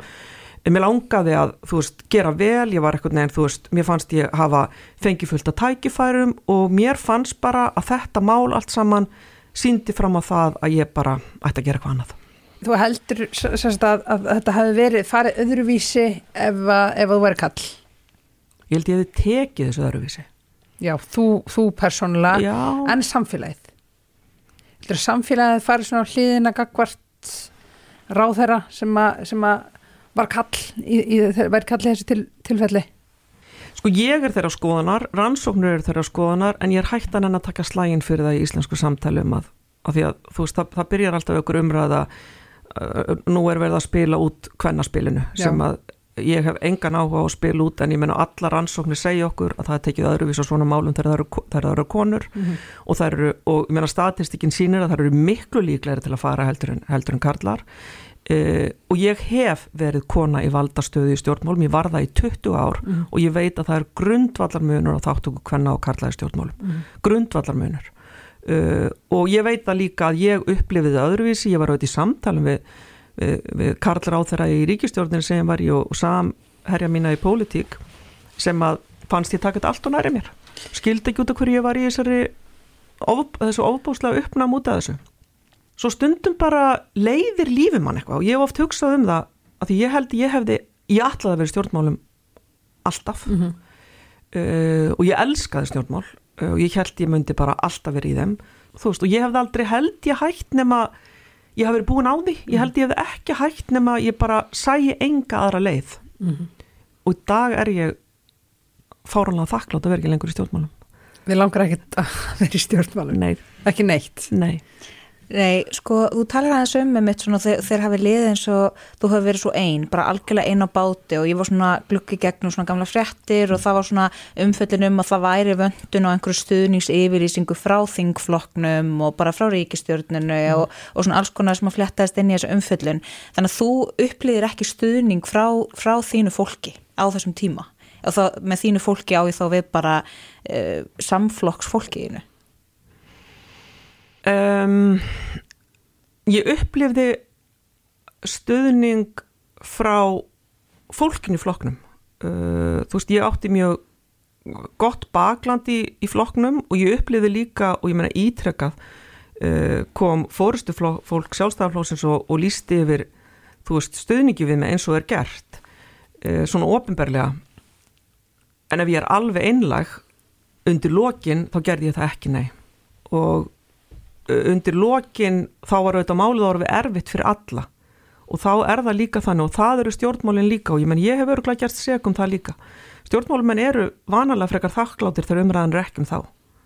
Einmitt. og finnst bara fínt ekki fínt að einhver sé í vanda en fínt að fókusin sé meiri annar staðar meiri á vandraðum annara en vandraðum þeirra. Og ég hafði kannski heldur ekkit svona fjárfest nægilega í samskiptum mínum við til dæmis þingflokk sjálfstæðarflóksins ég, þú veist, fór eins og ég sagði gegn formanni flokksins á sínum tíma. Ég held að meir og minna allir þingmenn flokksins hafi kosið hann en ekki mig. Uh, ég er ekki að segja að það hafi bytnað á mér, ég er bara að segja að ég ekkert neginn átti kannski ekki þannig náið samband við mjög marga þingmenn fyrir utan þarna formann flokksins og einstaka þingmenn að ég gæti einhvern veginn deilt líðan minni með þeim, ég gerði það ekki. Ég held þessu fyrir mig uh, og ég meiri segja senda út mjög skýr skilaboð að ég vildi taka slægin einn, ég vildi ekki aðri lendi í því sam og ég. Ég vildi ekki einhvern veginn að aðrir væri einhvern veginn að ferð og það er eitthvað líka, mér fannst ræðilega óþægilegt að aðrir þyrftu að vera í óþægilegri stöð út af mér. Þannig ég var ekki að byggja neitt um það. Ég baði engan um það.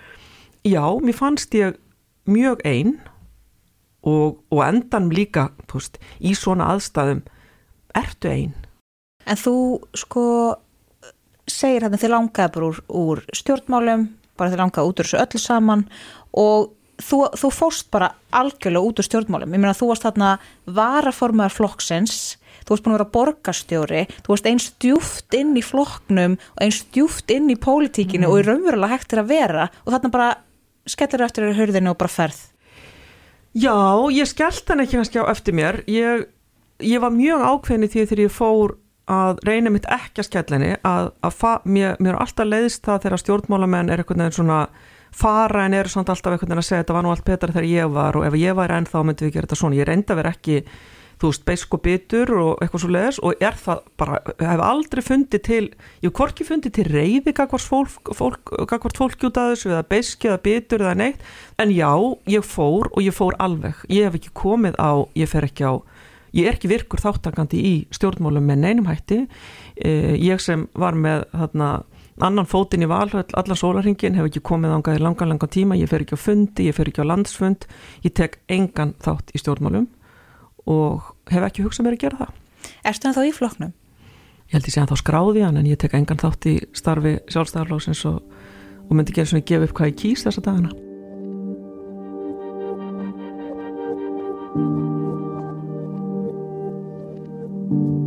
E, vá, þetta er nú alveg svolítið merkilegt sko. Já, fyrrverandi ráðherra sjálfstæðisflokksins gefur ekki upp hvað hann kýs í dag. Einmitt. E, já, mér finnst þetta svona eitt að merkilegasta í viðtalinu. Já, sko. sammála. Þetta gerir styrkla ekki oft en e, þetta mál var alveg fordæmalust fyrir hönnubyrnuð. Það er að segja, það hafði engin lendi nákvæmlega svona atviki áður. Nei og það kem, komum kannski aftur inn á það sem við máum að ræða þetta í upphafi þáttar að mm. þessi mál voru bara ekkit á dagskrá að neinu viti Nei. uh, svo bara hérna breytist ótrúlega margt eftir þetta mm -hmm, mm -hmm, og það var ekki til einhver svona ferill sem að þú veist átt að fara eftir heldur þegar þú veist ef það væri búið að leka einhverjum upplýsingum um einhverju að leka í þessu skyni. Þannig að þetta var, eins og ég segi, þetta var bara það voru ekki fordæmi fyrir þessu og Hanna segist uh, hafa gert mörg mistök.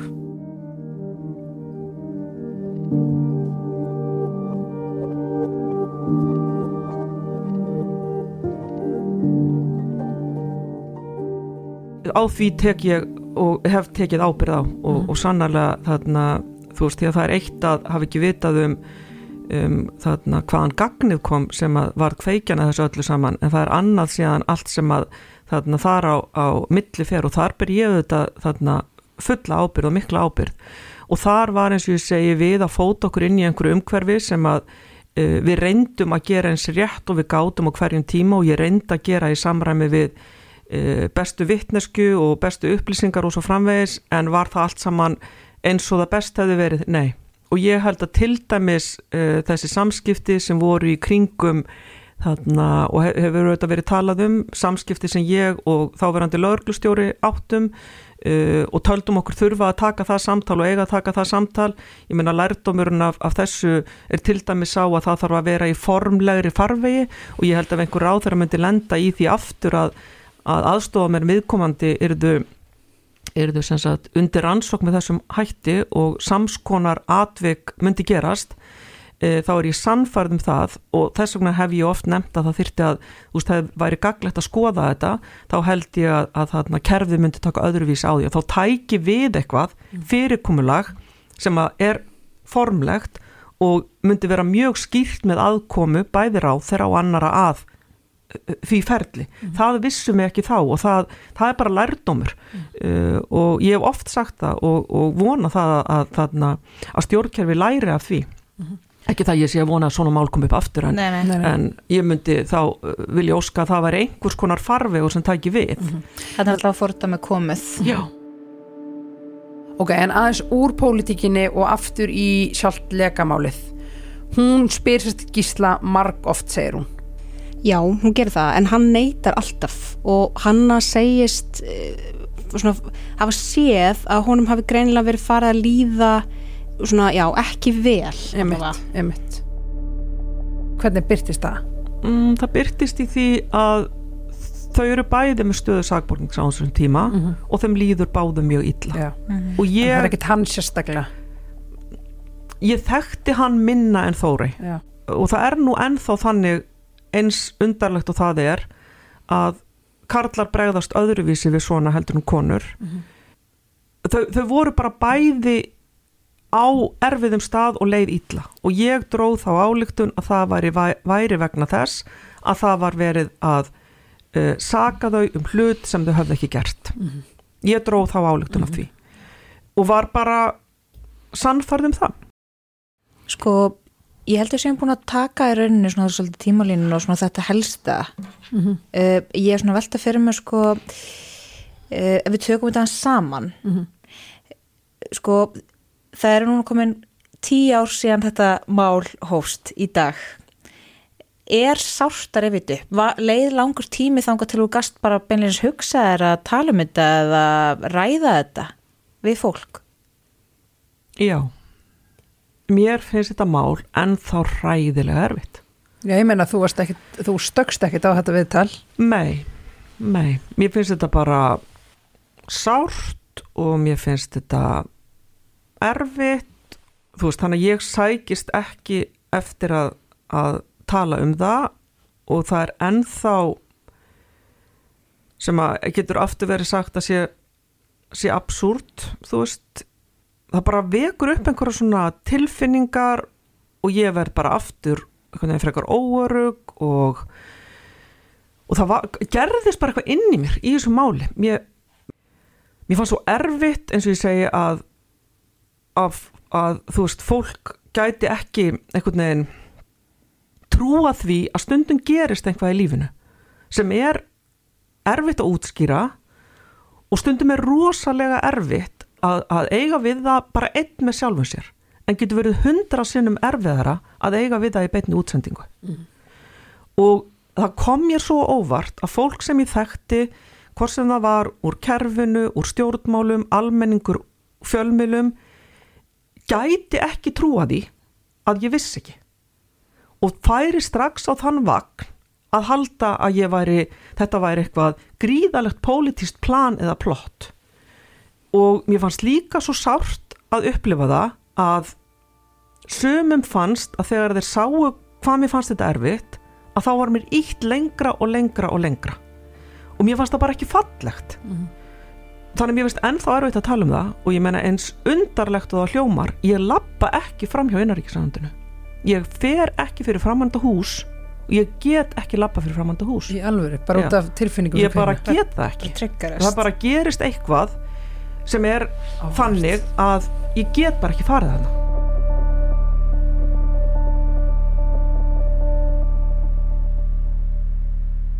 Já, þetta mál hefur augljóslega alveg tekið mjög á hana Já, ekkert smá. Maður, maður getur alveg ímynda sér það Mhm.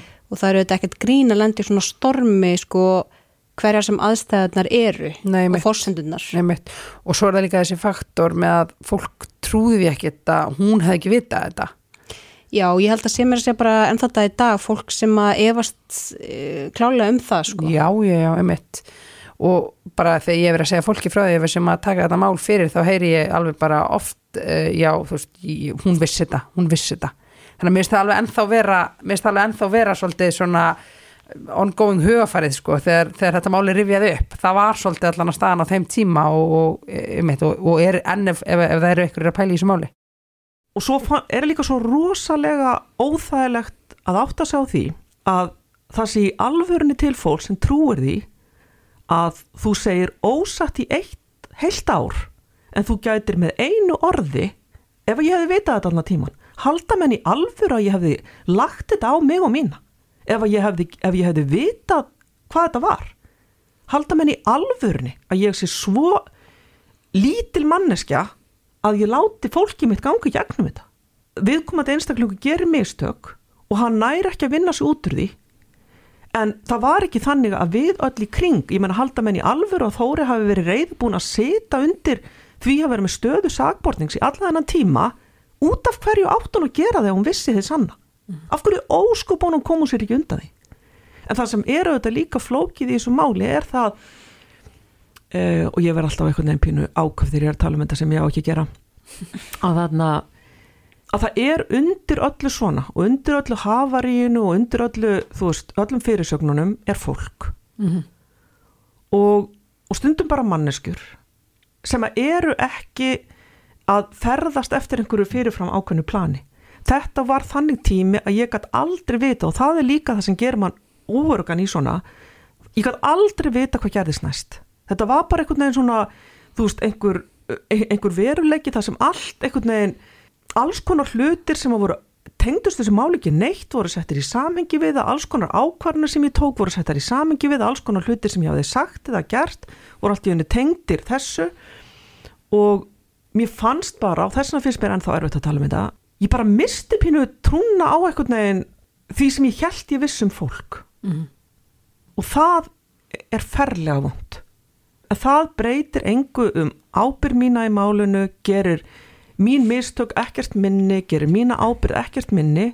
Og ég axlaði hana með að fara og ég axlaði hana með því að fara algjörlega af þessu vettvangi, þannig ég gekk lengra heldur en þú veist, við getum sagt að, að þarna óskir almennings á þeim tíma voru að ég, þú veist, það var meiri hluti almennings, það voru ekki, auðvitað ekki mínir fólki sem hafi stutt mig en það er alveg rétt að, að þarna í, í skoðanakonunum sagði meiri hluti almennings að það væri gott að ég færi frá, ég gerði gott betur ég steg algjörlega af sviðinu og hef aldrei vógað mér upp á það aftur og er að gera alltaf hluti í dag Mm.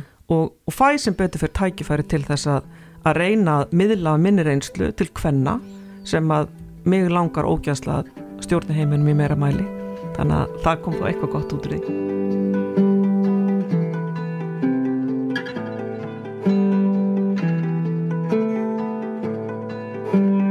Heyr, heyr. Já, við getum svo sem alveg tekið undir það Já. að konur eiga að stjórna heiminum í meira mæli sko. Alveg.